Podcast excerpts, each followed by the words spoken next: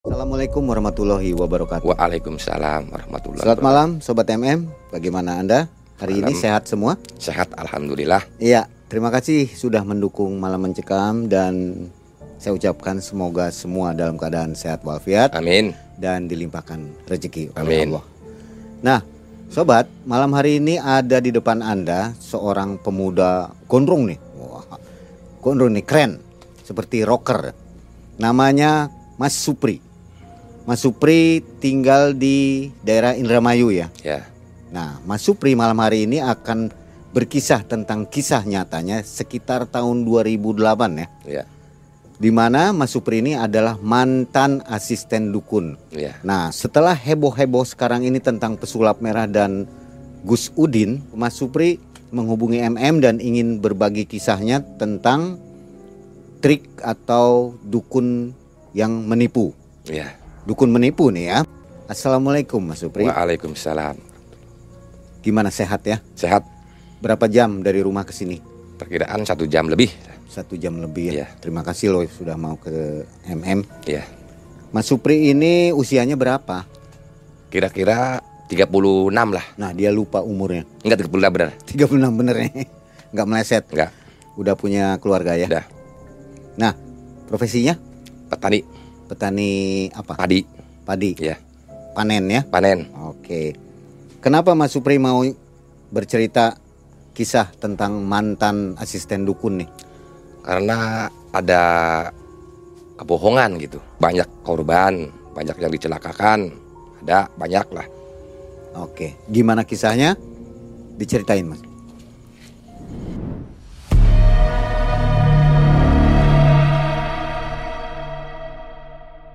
Berawal dari niat pengasihan terus karena dorongan nama paman saya suruh ke seseorang dukun terus saya ada niat untuk ngikut ke sana mau ke rumahnya biar dapat pengasihan pengasihan biar dapat nama juga anak muda lah biar Banyak cewek yang senang. banyak cewek yang seneng gitu pas ke sana dia sedang pu- berpuasa gitu.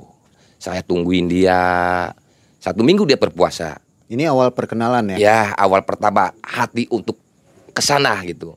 Saya tungguin di rumahnya karena dia kan sedang puasa nggak mungkin saya nanya gitu kan. Suruh selesai dulu gitu. selesai dulu puasanya baru saya nanya ada apa? Mau apa? Dan inginnya apa? Itu saya langsung tanya Pak kalau mau pengasihan gimana gitu? Pengasihan untuk apa? Pengasihan untuk perempuan lah namanya juga orang lajang ya kan? Waktu itu. Oke. Siap enggak batinnya? Oh siap. Insya Allah siap. Harus ada apa pondasi tubuh puasa dulu gitu. Oke. Hari apa? Apa syaratnya? Oke. Dia tanya namanya siapa? Supri oh dihitung mungkin tanggal lahirnya harinya bagusnya hari apa malam apa ritual untuk pondasi pertama kita puasa itu. Udah dirancang sama dia hari ini jam sekian ya kan? Siap-siap mandi jam 12 malam pakai minyak kembang di atas wadah gitu apa namanya? Baskom. baskom gitu ya. Dikasih minyak tujuh rupa nah nanti jam pas 12 malam lebih saya mandi. Terus waktu udah saya mandi paginya puasa gitu. Tujuh hari puasanya. Cuma puasanya itu dikasih amalan gini harusnya gini sholat zikir tuh saya lakuin. Menurut dia harus gitu saya lakuin. Karena dia orang pinter gitu. Dukun lah. Cuma bukanya pakai air putih aja. Secukupnya. Setengah gelas lah gitu ya. Oke. Selesai puasa biasa aja lagi udah saya pulang ke rumah. Udah pulang ke rumah biasa lah. Terus posisinya dipanggil lagi suruh ke sana lagi. Suruh malam Jumat Kliwon suruh makan kembang kantil gitu. Kembang kantil lah tiga setiap hari Jumat.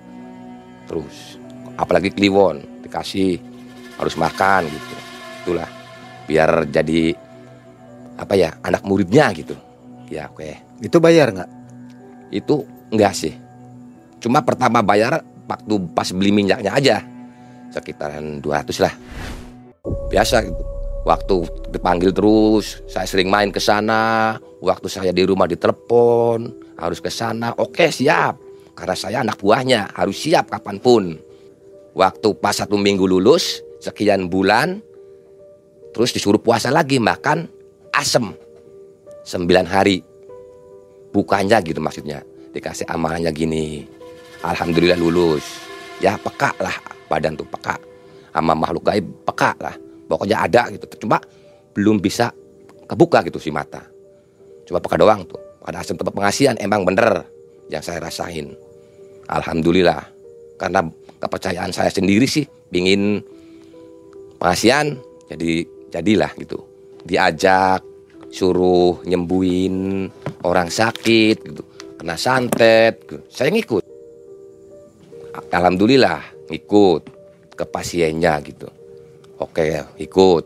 Kapan pun dia ngajak saya pokoknya saya harus siap gitu. Karena saya ibaratnya asistennya gitulah.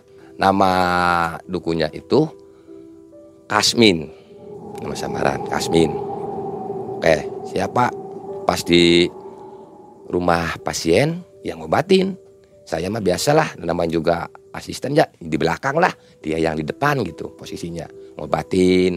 Sembuh dia sembuh. Cuma ya kalau dikasih ya seikhlasnya dulu mah seikhlasnya diterima gitu maupun 50 ribu maupun 100 diterima seikhlasnya.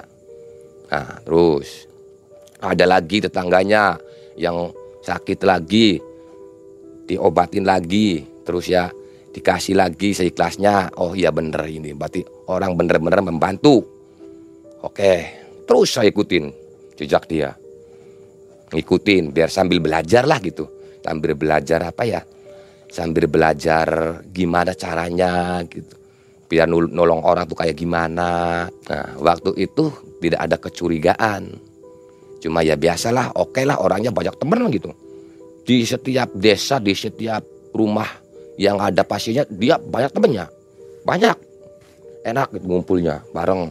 Ngopi bareng diskusi bareng. Ntar kalau ada tetangganya yang pak ini orangnya lagi sakit.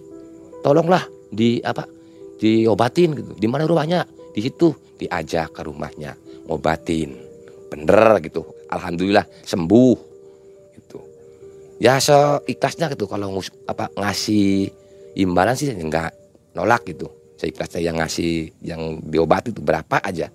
Yang curiganya waktu penarikan ini langsung penarikan apa ya benda pusaka gitu waktu kecurigaannya di situ saya. Nggak pakai logika gitu. Nggak karena saya sendirilah yang jadi asistennya gitu. Nah si temen itu punya istri dia mimpiin ada barang gaib di suatu tempat di sebuah keruhun. Dia bisa melihat tapi dia nggak bisa mengambil. Nah dia bisa mengambil. Jadi dia disuruh Pak Kasmin suruh ngambilin barang tersebut. Nah kayak apa katanya barangnya? Kan cerita tuh si mimpi itu si, si yang perempuan mimpi tuh kayak apa barangnya? Tas B katanya warnanya hitam kecoklatan gitu ya. Apa batu warnanya merah. Oke. Begitu saya itu ada kecurigaan kok aneh gitu. Anehnya gimana? Katanya dia bisa narik ya kan tapi posisinya saya tuh disuruh sama Pak Kasmin tersebut dukun saya tuh disuruh. Dikasih barang taruh di suatu tempat tersebut tuh. Yang diceritakan waktu si perempuan itu mimpi tuh. Di bawah pohon di bawah makam. Saya yang naruh barang tersebut. Pokoknya barang benda pusakanya dikasih minyak dulu biar aroma magicnya itu terlalu kental gitu. Oke dikasih minyak dulu. Terus ditaruh di bawah pohon. Saya dikasih titik biar nggak keliru ngambilnya. Oke lah saya nurut aja gitu. Karena saya itu asistennya asistennya Pak Kasmin. Oke lah. Oke udah itu saya pulang ke rumah dulu. Dia udah di rumahnya temen di suatu tempat.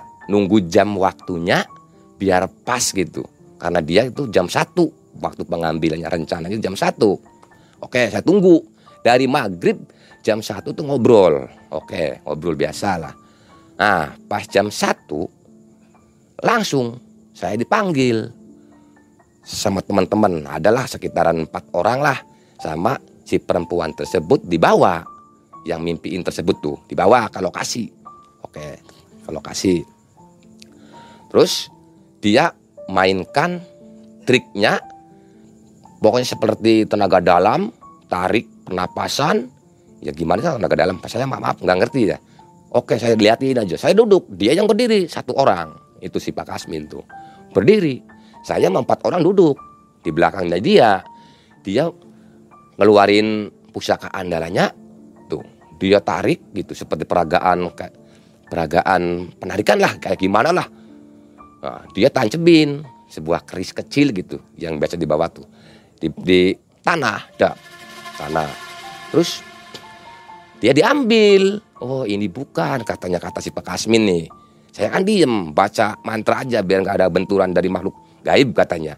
Nurut aja saya gitu. Oke, dikasihkan sama yang kemarinnya itu dimimpiin. Jadi seperti cocok gitu, seperti mimpinya gitu. Tadinya kan barangnya gini, terus dicocokin sama Pak Kasmin tuh. Oh gini, barangnya kayak gini. Mungkin dia cari di pasar atau di mana gitulah. Yang penting mirip aja. Nama juga mimpi kan angan-angan gitu mimpi itu.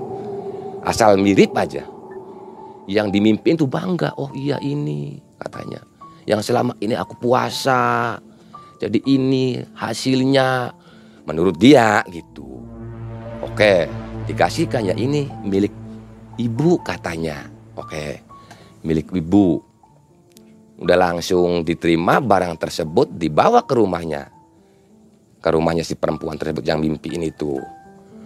Terus kita ngobrol-ngobrol bareng ngopi bareng dikasih amplop lah gitu. Imbalan lah imbalan untuk penarikan tersebut dikasih. Nggak tahu saya mam asisten nggak tahu berapa lah gitu. Kalau itu kan dikasih paling buat beli rok aja 50 ribu buat naruh barang tersebut kecewa saya di situ karena mainnya main trik sih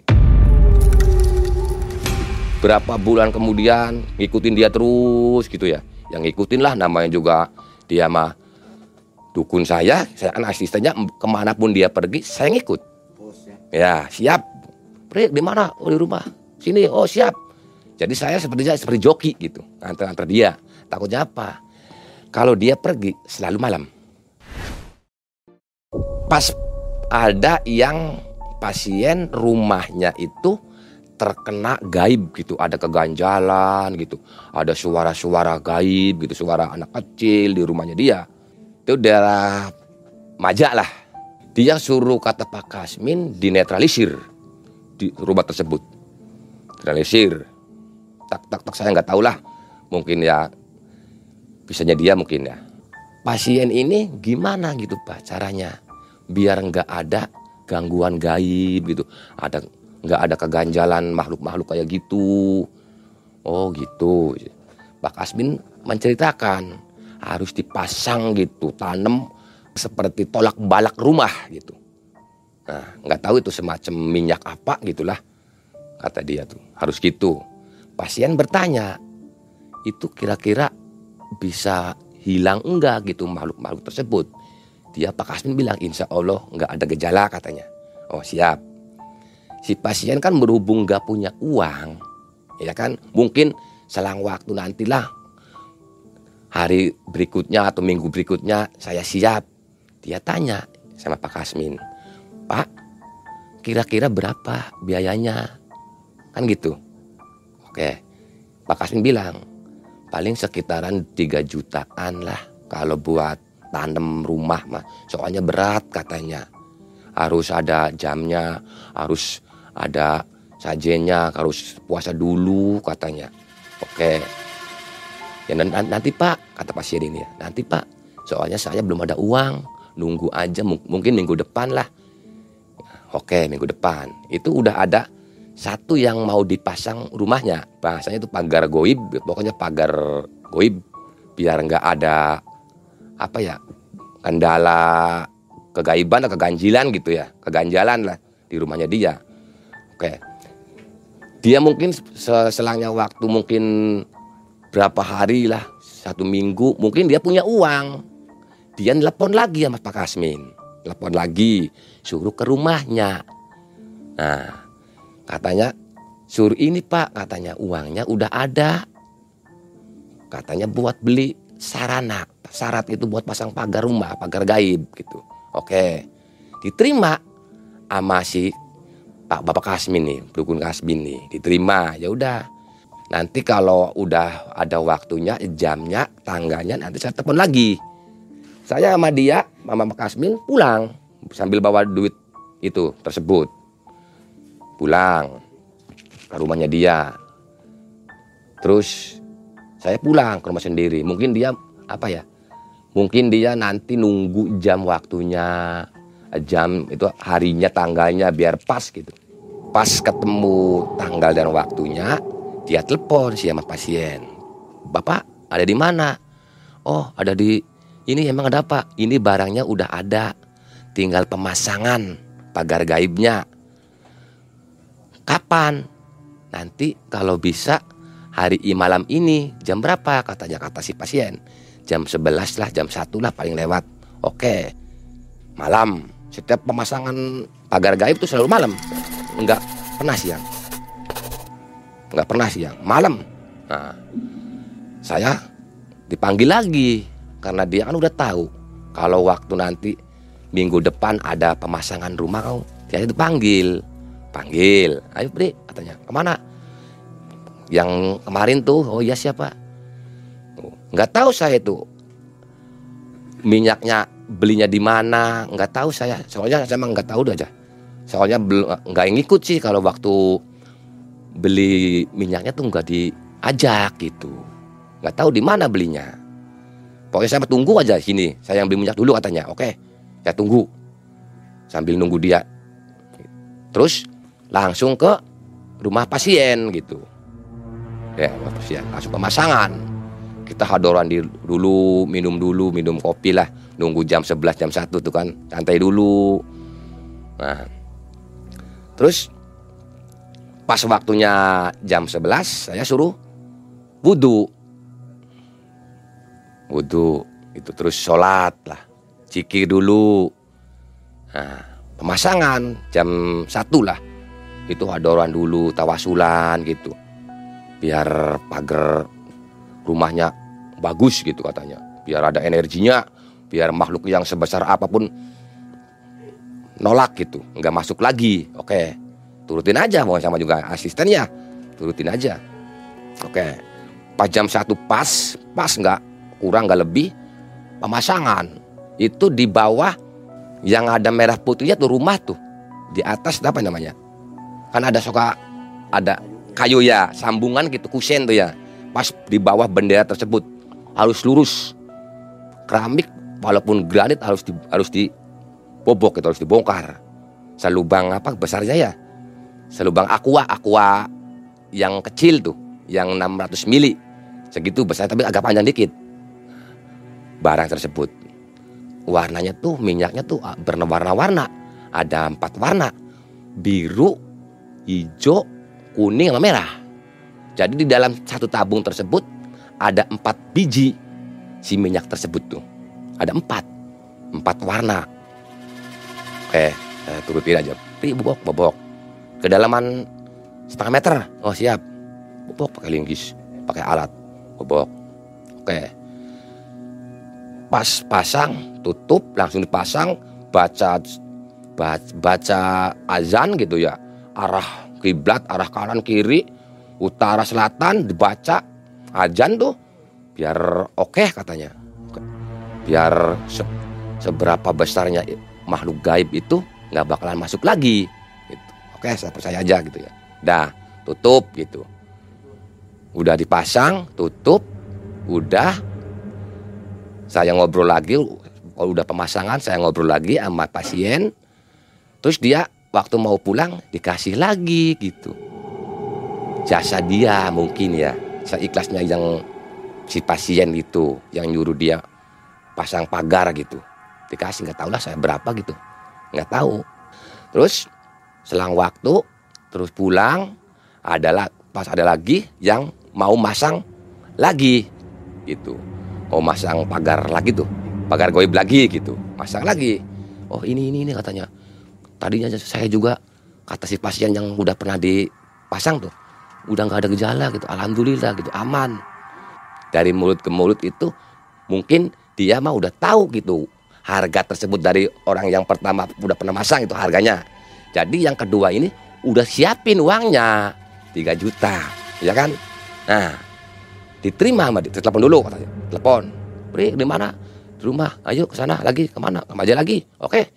Nah mungkin karena berhubung waktunya udah sore, mungkin ternyata dia itu belinya si minyak tersebut itu bersama saya sambil pulang dari arah Maja ke rumahnya Pak Kasmin itu ada juang jualan kayak minyak-minyak pusaka atau gimana mampir di situ di rumahnya orang jualan kayak gitu tuh benda-benda pusaka gitu ada kan nah oh ini orangnya saya tuh.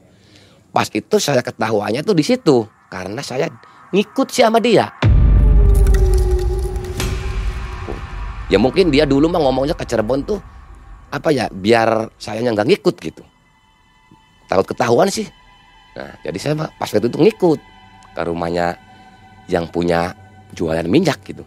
Enggak sengaja kedengaran suaranya pas jelas gitu harganya ngan cuma 300 ribu Waduh saya kaget sedangkan yang didapat dari pasien itu kan diminta 3 juta gitu kok gede banget gitu ini gimana gitu rezekinya kok, kok kok gini kan agak kurang pas gitu terlalu gede gitu penghasilannya gitu oke oh jadi di sini belinya tuh bukan di Cirebon.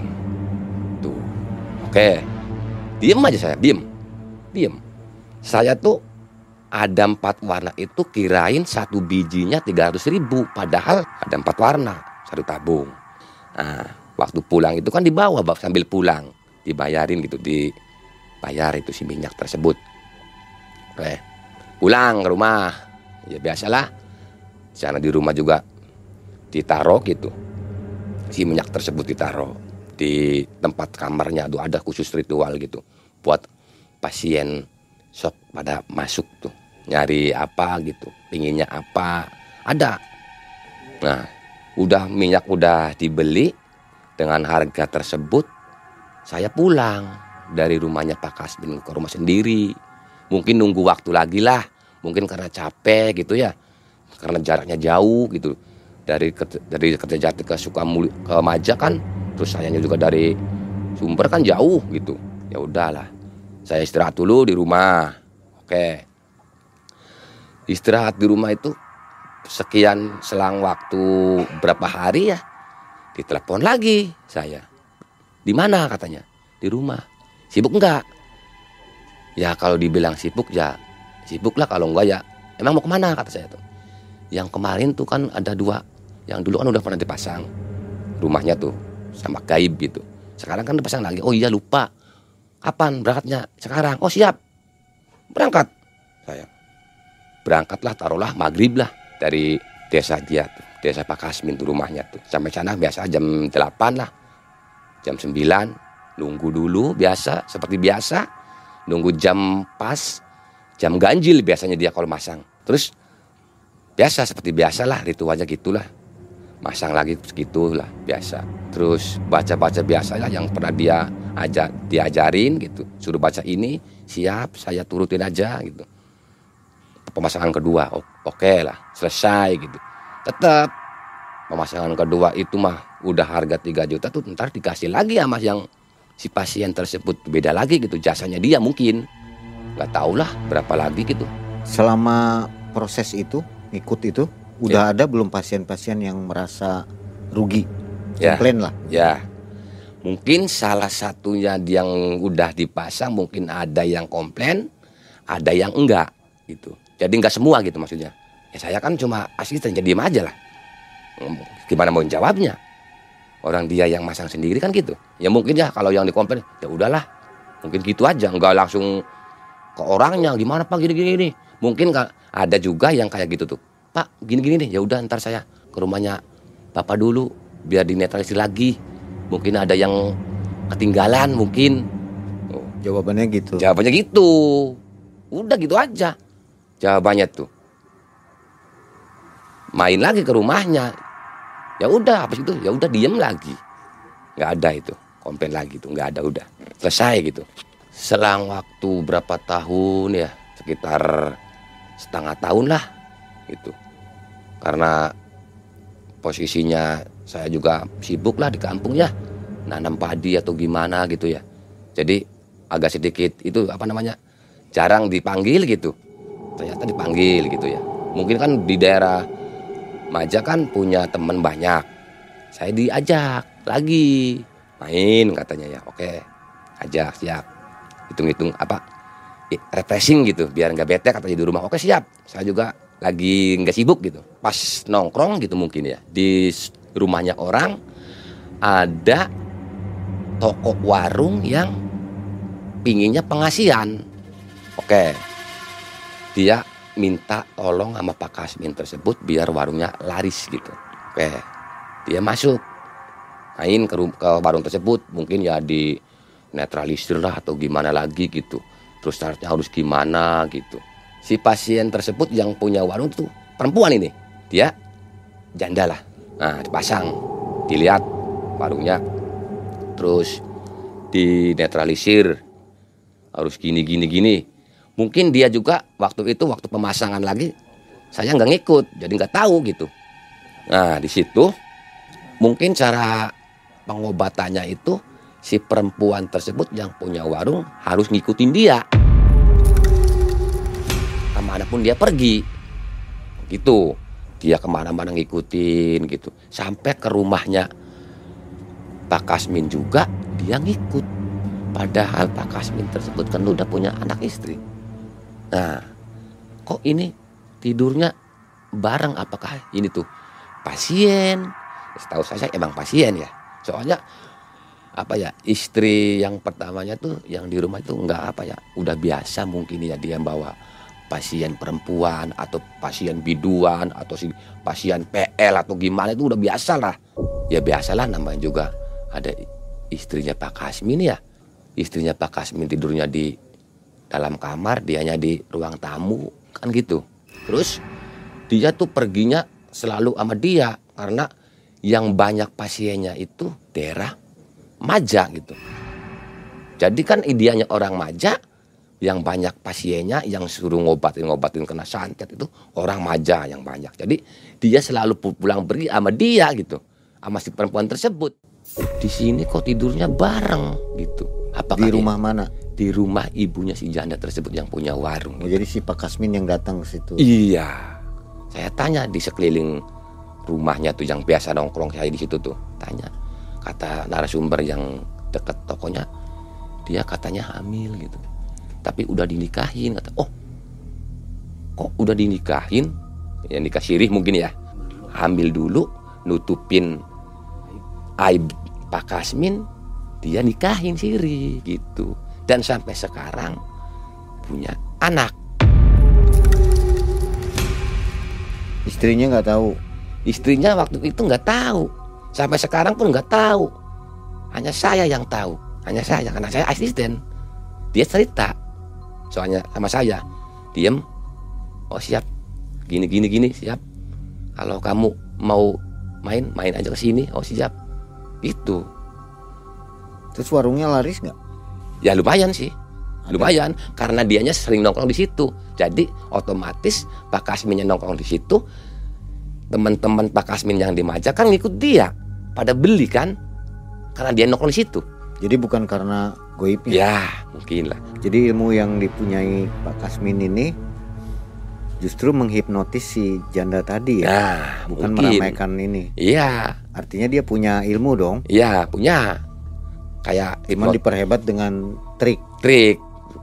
Mungkin karena apa ya? Dia punya istri dua, mungkin lebih berlipat lagi biaya hidupnya, ya.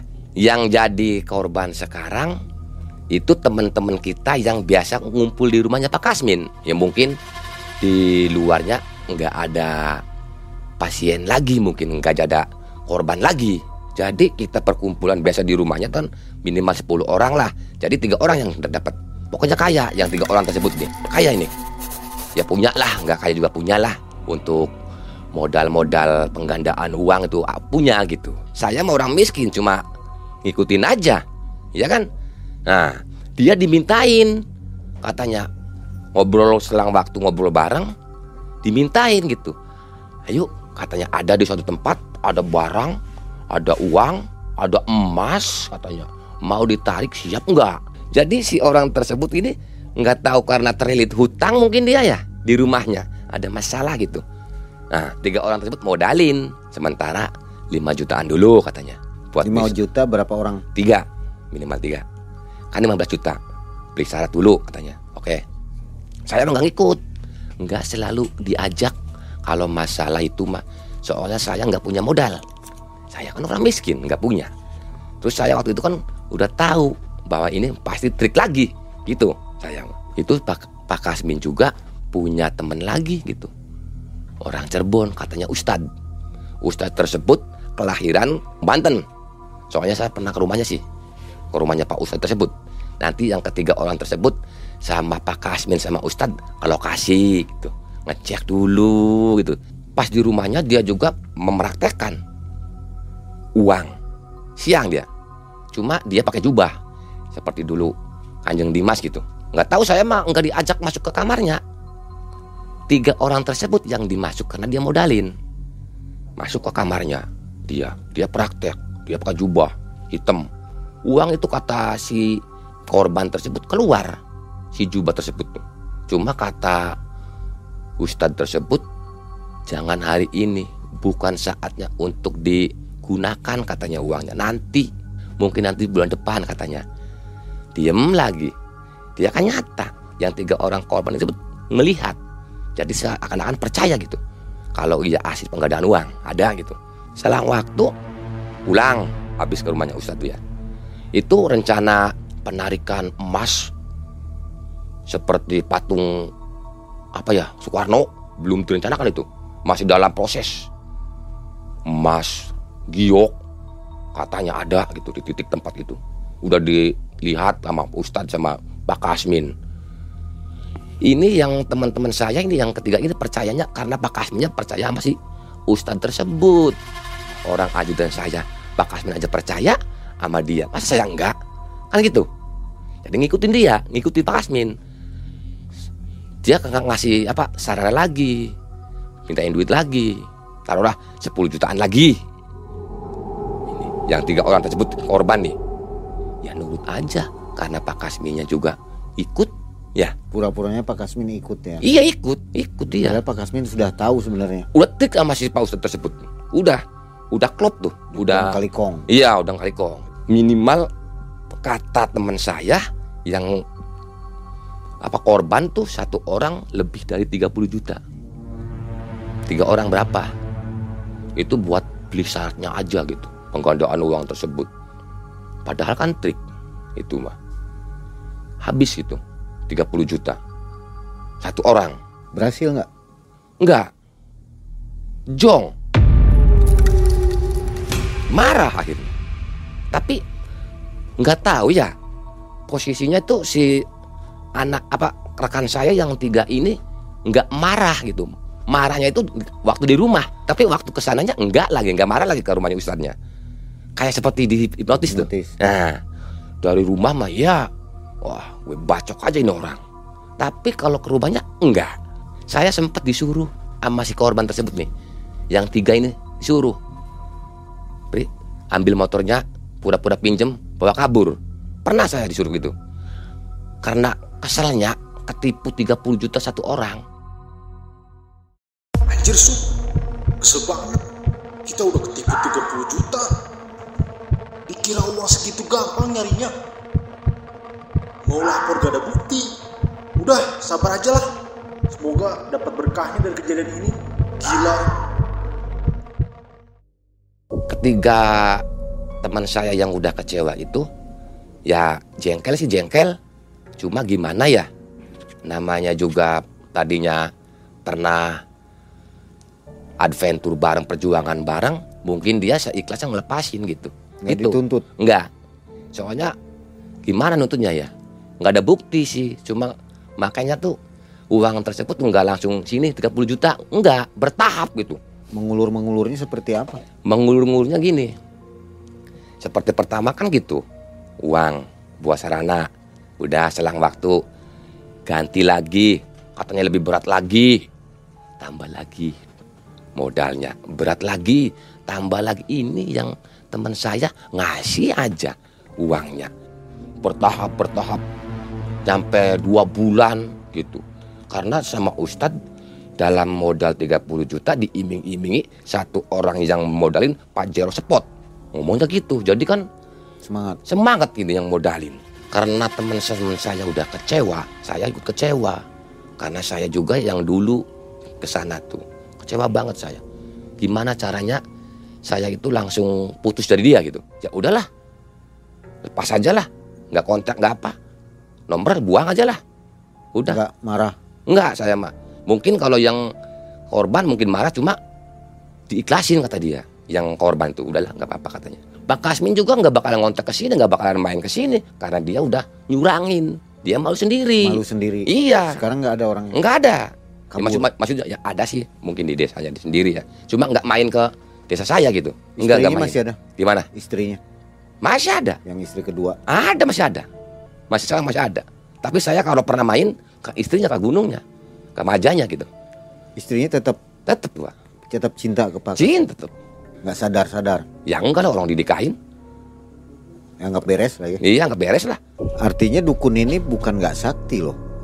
Dia Iya. berarti punya bisa ya, Ya punya ilmu tapi sedikit. sedikit. Betul nggak itu? Ya Jadi nggak kosong-kosong banget gitu. iya. Ada lah. Ada. Karena mungkin karena saya lihat kena puasa mungkin ada kan ritualnya gitu. Ada mungkin. Ada ya. Ada. Cuman dilebih-lebihkan. Ya. Jadi Cuma kayak biar kental gitu pengikutnya gitu. jadi sulap ya. Ya. Setengah Seperti yang- trik setengah itu loh. Seperti yang sekarang sedang rame. Iya ya. sedang rame. Cuman lebay. Lebay. Oke. Nah, gimana kalau Pak Kasmin ini nonton video video ini? Gimana? Marah nggak? nggak apa-apa nggak marah juga. Biarin aja. biarin aja karena apa marah juga dia mah sistemnya nggak apa marah karena ini cuma kalau yang lebih marah tuh yang korban teman-teman saya Harusnya. seharusnya bukan dia kan dia emang nggak punya modal kalau Mungkin dia kecewa ini kok dibocorkan rahasia. nggak apa-apa biar ke depannya dia tuh sadar biar stop yang benernya aja gitu jangan yang itunya itu Dengar kabar gimana kehidupannya sekarang? ya biasalah mungkin ya masih pengobatan pengobatan mungkin cuma Masih yang enggak banyak pasien. masih banyak cuma nggak ramai kayak dulu lah mungkin karena ada pro dan kontra yang sekarang itu yang di YouTube tuh Hmm. mungkin lah ketahuan triknya mungkin mulai sepi. mulai sepi gitu Pada waktu Mas Supri meninggalkan dia sih masih orang percaya masih ya, masih percaya. masih jadi kita cuma agak sepi gitu udah mulai menurun. mulai menurun Sekarang lebih sepi lagi. sepi lagi Oke. Terap kapan terakhir ketemu? Kabar dengar kabar dia kapan? dengar kabar dia waktu berapa bulan lalu ya enam bulan lalu dia hajatan sih di rumahnya hajatan saya nggak nggak nggak hadiri Jadi kesimpulannya dukun ini bukan dukun beneran kalau menurut Mas Supri. ya Bohong gitu. bohong Banyak tipunya. iya Mas Supri mungkin ada pesan-pesan untuk penonton MM Ya, untuk penonton MM yang setia, untuk memilih orang yang benar atau semacamnya dukun lah, jangan terlalu percaya banget. Percaya boleh asal pakai logi- logika. Ibarat gini, kita naik bis, ya kan? Kalau supirnya udah tahu oleng, turun. Jangan ikutin. Kalau supirnya masuk ke jurang, kita semua jadi korban, penumpang. Bener nggak? Turun kalau dia udah tahu. Ya. Itu, Tuh. itu Tuh. aja. Artinya bukan semua dukun tidak benar. Ya, dukun tidak semua nggak benar, nggak semuanya. tapi kebanyakan gitu Pakai trik. pakai trik percaya boleh tapi jangan terlalu percaya banget gitu pakai logika aja lah percayanya gitu Yang wajar-wajar. wajar wajar aja lah Kalau kalau sudah baunya duit, duit, ya duit. udah tinggalin aja nggak bakalan bener nggak bener ya. nggak bakalan bener udah Oke, siap. Nah, sobat MM, kisah sangat menarik dari Mas Supri ini menjadi modal untuk kita hati-hati dalam memilih praktisi tentang hal-hal mistis. Jangan Ya. langsung percaya. iya percaya boleh Percaya tapi boleh, jangan pakai terlalu banget ya pakai logika ada ya pakai logika. Terima kasih Mas Supri. Ya. Ini ceritanya mantap nih. Sama dengan kejadian yang sedang ramai Iya. sekarang. Saya Mang Ei dan tim undur diri. Assalamualaikum warahmatullahi wabarakatuh. Waalaikumsalam warahmatullahi wabarakatuh